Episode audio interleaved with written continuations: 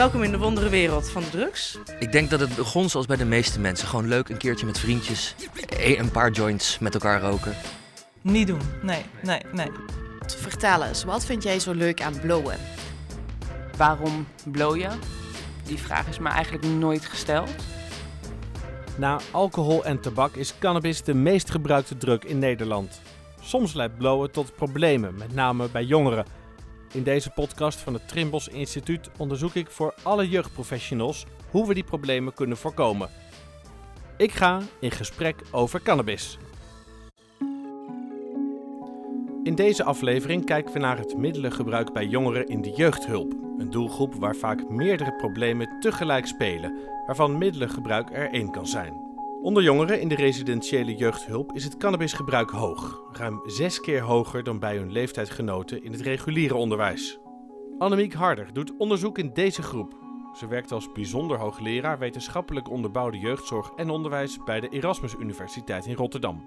Als je kijkt naar onderzoek, dan is vrijwel alle jongeren die uh, op een woongroep uh, wonen, terechtkomen, die gebruiken eigenlijk allemaal wel uh, iets van middelen. En zegt dat iets over de jongeren of over de plek waar ze wonen? Ja, ik denk dat het vooral uh, wat zegt over de omstandigheden waarin de jongeren uh, uh, zijn opgegroeid of zich begeven op het moment dat ze geplaatst worden op een, op een groep. Maar als je kijkt naar jongeren in de, de residentiële jeugdhulp die daar terechtkomen, dan zie je eigenlijk over het algemeen een groep jongeren die opgegroeid is in een problematische thuissituatie. En dat betekent ook dat zij nog wel eens te maken hebben met traumatische ervaringen. En ja, dat kan natuurlijk ook een reden zijn om middelen te gaan gebruiken zodat je je ervaringen die je hebt, negatieve ervaringen die je hebt, om dat wat te verzachten, om daarmee om te kunnen gaan.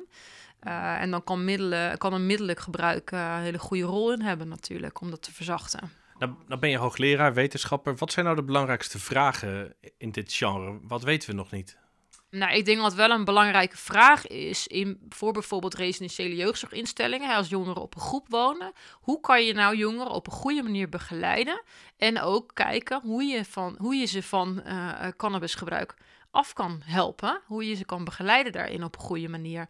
Um, zonder dat je zegt, nou, we accepteren gewoon dat de jongere gebruikt. Het hoort er gewoon bij, dat vinden we oké. Uh, maar dat je toch zegt van, nou, eigenlijk zouden we er wel willen streven dat een jongere zonder cannabis verder kan. En ook zijn leven echt op kan bouwen. Want ja, cannabis kost gewoon het nodige. En op langere termijn is het ja, toch vaak uh, niet zo handig als jongeren dat uh, gebruiken. Straks horen we hoe Annemieke Harder hier zelf naar kijkt. Vanuit haar thuiskantoor in Groningen gaan we eerst een flinke reis maken naar Heerlen. Kelly Zonneschijn ontwikkelde de methode Anders leren motiveren om zorgprofessionals de techniek van de motiverende gespreksvoering te leren gebruiken. Ik ben uh, uh, onlangs uh, voor een aantal uren gedetacheerd geworden bij een um, jeugdzorginstelling ehm, waar pubers verblijven die in een moeilijke opvoedsituatie zitten en daar um, ben ik eigenlijk samen met het team gaan kijken naar wat werkt wel in de, volgens de wetenschap en wat werkt niet bij, bij jongeren. En hoe zou je dat dan op, um, met motiverende gespreksvoering um, die jongeren toch kunnen bewegen naar wat meer zelfbewustzijn over cannabis. Wat is het bezwaar om dat onderwerp te bespreken met de jongeren? Wat is het probleem? Mensen weten soms ook niet hoe ze het gesprek moeten uh, gaan voeren. Hè. Ze, ze, hebben vaak een eigen mening over cannabis. Um, dat kan net heel een negatieve mening zijn. En dan weten ze, dan ga ik de jongeren kwijtraken. En aan de andere kant kan het ook zijn dat ze uh, begrijpen waarom de jongere cannabis gebruikt. Um, maar daardoor, door alleen maar de ander te begrijpen, gaat ook niemand uh, veranderen. Dus eigenlijk zijn ze uh, of wel een stukje handelingsverlegen, um, of ze weten ook niet hoe ze het gesprek nu goed moeten aangaan. Wat werkt, wat werkt niet. Wat we vaak zien um, bij hulpverleners die met jongeren werken, is um, de beide uitersten. Ofwel ze zijn helemaal tegen het cannabisgebruik en gaan dat ook echt uh, de, de, jongeren daarin overtuigen dat het echt niet goed is. Ofwel uh, gaan ze net heel erg meebewegen met die jongeren. Van, oh, ik begrijp je, of oh, ik heb het zelf ook al gedaan. Uh, maar in beide gevallen uh, help je de jongeren er niet mee. En is het echt belangrijk dat je de jongeren met de juiste vragen, de juiste technieken aan het denken brengt. Um, en hem zo in de twijfel krijgt uh, om überhaupt na te gaan denken over het veranderen van het cannabisgebruik. Laten we daar eens op inzoomen. Wat is nou een goede vraag om te stellen aan een jongere die heel veel bloot? De eerste vraag die je dan zou kunnen stellen is vooral um, een nieuwsgierige vraag. God, vertel eens, wat vind jij zo leuk aan blowen? Ik ben er echt super benieuwd naar. Um, uh, iedereen heeft eigen ervaringen, maar ik ben benieuwd hoe is dat voor jou? Dus dat is echt de allereerste vraag um, die je zou kunnen uh, stellen. Um, daarmee um, laat je zien van ik accepteer je zoals je bent. Ik ben gewoon vooral heel nieuwsgierig. En daarmee gaat de jongere ook veel uh, makkelijker uh, tegen jou praten. Nu, daar hoort wel een bepaalde houding bij. Hè? Het is ook echt belangrijk dat je ook die echt die nieuwsgierige houding aanneemt terwijl je die vraag stelt. Um, en als die jongere dan gaat beginnen vertellen, dan kun je, na, ja, kun je daar ja, echt alle kanten mee op. Um, en kun je ook gaan doorvragen naar, oké, okay, wat is voor jou niet zo leuk aan uh, het gebruik van cannabis? En vertel daar eens iets over. Maar dan moet je eerst die eerste fase door zijn gegaan, namelijk de voordelen ja, bespreken. Ja, inderdaad. Echt um, oprecht je best doen om de situatie van, van de jongeren te begrijpen. En dat doe je door eerst vragen te stellen over de voordelen. Als je bang bent dat dit een ingewikkeld gesprek kan worden, probeer je eerst op een andere manier goed contact te krijgen, zegt Annemiek Harder. Nou, ik, ik weet niet of het een heel. Kijk, een hele belangrijke basis van uh, uh, hulpverlening is een goede samenwerkingsrelatie. Dat weten we op basis van onderzoek dat het een belangrijke werkzame factor is. Dus dat betekent dat je als hulpverlener in eerste plaats altijd heel erg moet kijken naar dat je het goed contact hebt met de jongeren. Dat je goed weet uh, wat er in zo'n jongere omgaat. Dat je hem goed leert kennen. En dan in tweede instantie, uh, op het moment dat het kan, probeert om nieuwe informatie te geven aan de jongeren. Of um, ja, nieuw, dus, dus, advies te geven over uh, bepaalde keuzes die er zijn voor de jongeren. Uh, en dat op een goede manier, op een juiste manier doet. Nu ga je ook het land door om de mensen die met de jongeren werken te ondersteunen, tips te geven. Wat is je gouden tip aan die medewerkers die dat gesprek moeten gaan voeren? Ja, nou de belangrijkste tip die ik eigenlijk altijd meegeef aan medewerkers is dat ze uh, gebruik maken van hun empathie in het contact met jongeren. Dus dat ze uh, heel erg gebruik maken van uh, ja, zogenaamde reflecties in het contact. En dat betekent eigenlijk gewoon dat een hulpverlener benoemt wat die ziet bij de jongeren. Dus bepaalde uitspraken die een jongere doet, of bepaalde ideeën die een jongere heeft, of bepaald gedrag wat hij laat zien. Dat je dat puur benoemt als hulpverlener, wat je ziet in wat die jongere aan het doen is. Um, en dat kan dus ook heel goed zijn dat, dat de jongere dus het ene aan het doen is. Dus uh, ja, heel erg uh, met die cannabis bezig is. Of dat uh, lekker een jointje aan het roken is. Maar aan de andere kant ook heel graag goed contact wil hebben met zijn ouders. Of ook heel graag uiteindelijk een Ferrari wil kunnen aanschaffen. Nou ja, en dat betekent dat, dat, dat er een discrepantie tussen zit. Tussen wat hij op dit moment aan het doen is. En waar hij eigenlijk naartoe zou willen. En dat benoem je eigenlijk gewoon in een gesprek. Dus niet zozeer wat jouw mening is over dat hij zo van het blowen is. Dat je zegt, nou dat is niet goed voor je. En hè, daar kom je van in de schulden. Dus dat je waarschuwingen gaat geven. Maar dat je veel meer naar achter gaat leunen. En um, ja, meer benoemt en observeert. Wat je ja, benoemt wat je observeert bij de jongeren eigenlijk. Ja. En ook de verantwoordelijkheid weer teruglegt. Van nou, als je die Ferrari wil, dan zou ik toch maar verantwoordelijkheid nemen ook voor het blowen. Want dan ga je daar nooit komen. Dus uh, ja, nou ja, meer succes zo van, ermee, vriend. Nou ja, meer zo van, uh, kijk, uiteindelijk uh, wil jij misschien heel graag in die Ferrari. Als je dus doorgaat met blowen, is de kans groot dat je dat misschien niet bereikt. Maar uiteindelijk is de keuze aan jou wat jij doet. Dus je legt wel heel erg de autonomie bij de, bij de jongeren zelf neer. Um, dat is heel erg belangrijk. Maar je probeert ook wel te benoemen, ja uh, wat, wat, wat, die, ja, in, wat in strijd is met wat hij eigenlijk aan het, uh, waar hij naartoe wil en wat hij aan het doen is. Het is echt iets van een lange adem, zo'n project, om jongeren aan het twijfelen te brengen. Juist, ja. Ja, dat is echt iets van de lange adem. En dat moet je ook niet te snel willen. Want wat we weten is dat bij het veranderen van gedrag mensen heel makkelijk terugvallen. En dat hoort erbij. Um, want um, wat je vaak ziet is dat ofwel mensen hebben toch niet goed genoeg nagedacht over de voor- en nadelen, uh, of uh, ze hebben in hun besluit uh, niet goed nagedacht over het plan van aanpak. En dat is niet erg. Mensen moeten echt heel vaak opnieuw dat proces doorlopen, maar het is wel belangrijk dat ze in het proces blijven. En dan heb je ze zover, dan gaan ze twijfelen aan het blowen. Moet ik dat nou wel doen? Misschien is het beter om er wat minder te gaan doen, of misschien zelfs te stoppen. En dan een laatste zetje. Ja, dan is het heel belangrijk dat je als hulpverlener uh, of als naaste van, van die jongeren gaat vertragen. Dus niet meteen dan erop springen en zeggen: Yes, we zijn zover, nu kunnen we, uh, nu kunnen we hem over de streep trekken. Nee, eigenlijk ga je dan het hele uh, verhaal van de afgelopen periode samenvatten. Je eindigt wel met eigenlijk de voordelen van het stoppen van gebruik. En je stelt eigenlijk dan de vraag, als je dit zo allemaal hoort, jouw verhaal, wat denk je dan? We blijven nog even in Limburg, want volgens Marijke Bouts is het niet vanzelfsprekend dat jeugdhulpverleners oog hebben voor verslaving. Ze werkt op de afdeling preventie van Mondriaan Verslavingszorg en schreef het programma Open en Alert. Open en Alert is een uh, programma om te zorgen dat uh, binnen instellingen alcohol, drugs, gamen, gokken op het netvlies komen en ook uh, consequent op het netvlies blijven. Dus het is een programma wat zich richt op visie en beleidsontwikkeling. En daaraan eventueel gekoppeld ook regelgeving. Hoe ga je dat in de groepen doen? En dat kan eventueel ook uh, per groep nog een beetje verschillen. Want eh, bij een jonge leeftijdsgroep moet je natuurlijk andere regels hebben dan bij een groep tussen de 16 en de 18 jaar. Dus dat kun je aanpassen. Je hebt het over deskundigheidsbevordering, de scholing voor de medewerkers, zodat ze in die cursussen meer handvatten krijgen om vroeg te kunnen signaleren en om het gesprek aan te kunnen gaan.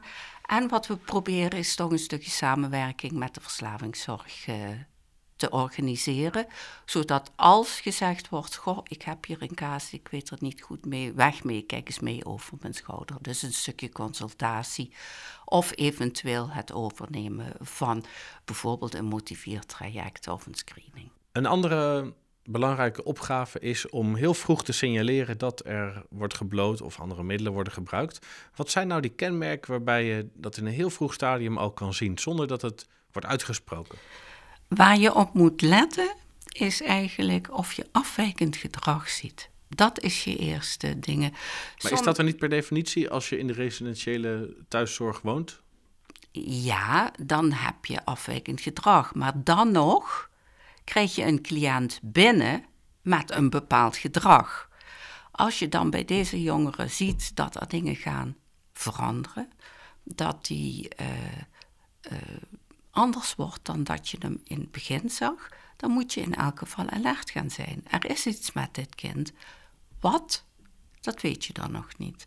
Maar gaat wel dan nakijken. Zie ik dit alleen? Zie ik dit vaker? Zien mijn collega's dit? Wat zou hier aan de hand kunnen zijn? En van daaruit moet je dan het gesprek aangaan. En misschien denk je van ja, hij is, uh, als hij binnenkomt, trekt hij uh, zijn muts over zijn ogen en hij gaat gelijk naar boven. Hij is een beetje lichtschuw.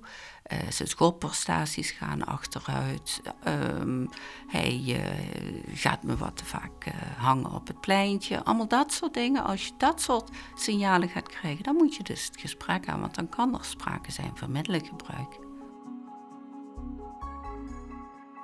Open en alert is in meerdere onderdelen van de zorg beschikbaar.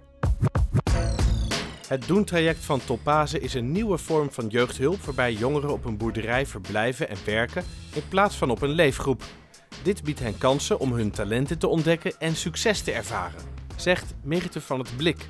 Vooral de jongeren die bij ons komen, die, vallen uit alle levensgebieden. Dus echt school, hè? school, werk, drugsgebruik, criminaliteit, nou, dat, dat soort dingetjes. En vaak wordt er dan gezegd, weet je, er is een risico dat ze eventueel naar de gesloten jeugdzorg moeten. En dan kan je nog gaan kijken van, hey, we willen jongen laat kans geven. Die laatste kans is om ervoor te zorgen dat ze gewoon nog thuis kunnen wonen. Dat ze in ieder geval na het traject weer thuis kunnen wonen. Daar hebben we veel meer aan. Daar hebben de jongeren veel meer aan dat ze hun leven weer op kunnen pakken. En dat ze zelf hun eigen toekomstplan kunnen maken. En dat is eigenlijk die laatste kans die we ze willen geven. Wat is het doen-traject dan? Um, nou, bij ons is dat ze een half jaar op een boerderij in uh, Brabant komen te wonen. En wij komen daar twee keer in de week langs. Om zowel voor de jongeren er te zijn, om er uh, voor de boer te zijn. Want die komt natuurlijk ook, loopt ook tegen dingen aan om, om hun te ondersteunen. Um, en wij hebben contact met ouders. Hebben ze allemaal iets met drugs? Of uh, ja, het mag nooit helemaal op de voorgrond staan. Want als het echt verslaving op de voorgrond staat, dan uh, kunnen ze ook niet verantwoordelijkheid nemen voor de dieren en voor uh, het gezin zelf, zeg maar, het boerengezin. Maar ze zijn eigenlijk allemaal, komen ze in aanraking met drugsgebruik. En de ene in wat hevigere vorm dan de andere. Ehm, en wij zien ook wel vooral het cannabisgebruik ook ehm, echt wel bij onze zelfstandigheidstrainingsjongeren. Ehm, dus van het andere traject. Je kan geen blokje hash meenemen naar de boerderij, lijkt me. Zeker niet, nee. En je moet daar blijven. Je kan niet vanaf die boerderij even een weekendje weer naar huis of nee. bellen. Het traject is echt, uh, bestaat uit vier fases. De eerste fase is, dan hebben ze niet eens een telefoon. Maar dan gaat het via brieven schrijven. Echt helemaal back to basic. Met een pen en een papier. Pen en papier en uh, een envelop waar een postzegel op moet. En jongeren die vaak de vraag aan ons stellen, hoe doe ik dit? Hoe, hoe moet ik eigenlijk, hoe weet je dat het bij het juiste adres aankomt? Helemaal terug naar de basis, om echt los te komen van thuis. Zodat de dealer die misschien aan de andere kant van de telefoonlijn zit, uh, niet benaderd kan worden.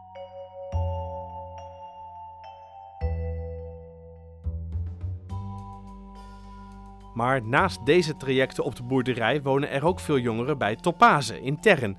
En daar is ook cannabis een bespreekpunt.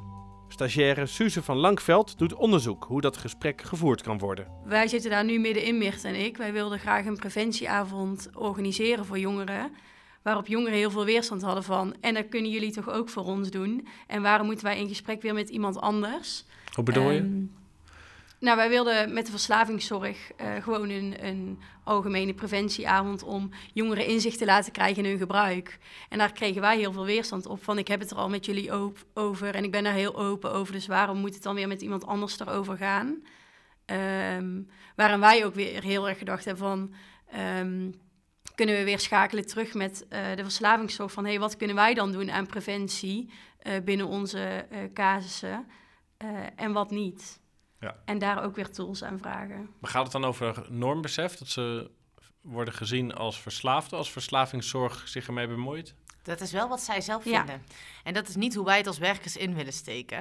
Uh, en het is wel wat we terugkregen. Dus daar vind ik het een hele mooie dat hè, uh, die gesprekken moet je met elkaar blijven voeren. Want wij als werkers kunnen wel iets bedenken wat goed is voor jongeren en wat ze kunnen helpen. En ondertussen kunnen we ze het, in, uh, het idee geven dat ze slecht bezig zijn, dat het echt verslaafden zijn. Um, terwijl wij eigenlijk uh, meer willen van... hey, wat mooi dat jullie het hierover hebben en wat goed. En we zouden fijn vinden als je zelf gewoon eens in kan gaan schatten... waar zit mijn gebruik? Uh, want met die inzicht, hetzelfde als wat ik al eerder aanhaalde... krijg je die interne motivatie en daar zit die verandering. Dat je toch met een andere vraag naar de jongeren moet dan, dan je dacht. Ja, of een andere aanpak. Want de aanpak die ik in mijn hoofd had, kan misschien ook nog op honderdduizend andere manieren. Uh, en hoe mooi als ze daar zelf over mee mogen denken. Want het feit dat ze ervoor openstaan, uh, die ruimte voelen wij. Alleen de manier hoe, hoe, ja, die moeten we denk ik dan toch met elkaar gaan invullen. Is het drugsgebruik een lastig onderwerp voor jullie?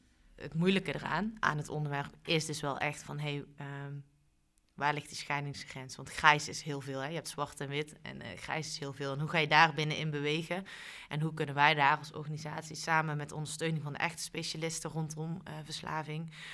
de juiste beweging gaan vinden? En de juiste beweging is? Is, nou ja, hoe kan je daarin gaan samenwerken? Hoe kunnen zij mee ook inschattingen kunnen maken waarop wij vastlopen van, hey, is dit nu ons referentiekader of hoe, uh, uh, hoe zien jullie dat? Dat we daarover kunnen schakelen met elkaar. Wat fouten maken mag, mm -hmm. uh, als je er iets mee gaat doen. Deze houding, waarbij verbondenheid de basis is, geldt dus binnen bij Topaze, bij de hulpverleners en op de boerderij. Blijf samenwerken met de jongen, maar ook met de hulpverlening. Uh, want samen kan je echt wel je plannetje maken. En voor de jongeren, naar de jongeren toe, uh, is het vooral uh, blijf openstaan voor de jongeren. Um, ga niet met hoge emoties in die gesprekken zitten. Ga niet, Wat heb je gedaan? Ga niet zelf die kamer helemaal willen doorzoeken. Want ga die confrontatie uit de weg en laat dat bij ons als hulpverleners. Ehm, maar ben er gewoon zoals je er ook voor een vriend zou zijn. Ja, die samenwerking die moet blijven. Ja, op alle vlakken. Ja, maar vertrouwen kan best wel geschaad worden. Zeker, ja. En hoe mooi als die boer dat kan zeggen tegen zijn jongeren. En hem daarmee kan confronteren. En dat de jongere daarvan kan leren. En uh, ook voelt van, oké, okay, ja, het vertrouwen is geschaad, maar hoe ga ik dat terugwinnen? Uh, wat wordt er dan van mij verwacht? En uh, hoe kan ik daarvan leren? Ja, dat zijn juist onze momenten waar, waar we van wijze zien groeien. en wat ze soms ook nodig hebben. Hè? Soms hebben ze ook wel die valkuilen nodig... Ja om uh, een verandering teweeg te brengen. Dus het is eigenlijk de uitgelezen kans om het verschil te maken. Het is wel hoe wij erin staan, ja. ja. Het lijkt mij enorm lastig om gedragspatronen blijvend te veranderen na drugsgebruik. Maar wat Topase doet, is een alternatief bieden met het leven op de boerderij. En dat is een hele slimme manier, zegt Kelly Zonneschijn, die we al eerder hoorden. In de meeste gevallen, wetenschappelijk gezien, werkt het wel. Um, dit is gedrag en je kunt gedrag niet gewoon uitzetten. Die verbindingen in de hersenen zijn gelegd. En je kunt je eigenlijk voorstellen dat het een soort van snelweg is geworden. Hè? Ik voel me rood en ik ga blowen. Um, en die snelweg kunnen we niet opeens opruimen. Dus er moet een andere weg gemaakt worden, een andere verbinding. En dat is eerst echt nog een, uh, een paadje door een maisveld. Uh, en dat moet meerdere keren doorlopen worden voordat dat ook daadwerkelijk een snelweg wordt. Um, maar die weg kunnen we alleen maar creëren uh, door er een alternatief inderdaad voor in de plaats. Dat maakt het wel wat makkelijker. Zeker ook omdat jongeren nog niet een sterk uh, controlesysteem hebben. Dus zichzelf onder controle houden is lastiger. Uh, dat heeft soms echt pas tot de 24 nodig. En sommige mensen vinden het, hè, ook volwassen mensen vinden het lastig om zichzelf onder controle te houden. Dus dan werkt een ander alternatief wel. Maar dat heeft te maken met hoe hersenen groeien, hè? dat Ja. die nog niet zijn uitgegroeid Ja, als precies. je 18 ja. bent of zo. Ja, Het is misschien gemakkelijker gezegd dan gedaan om zo'n programma te doorlopen, want een jongere kan ook zeggen, nou, ik wil gewoon blijven blowen.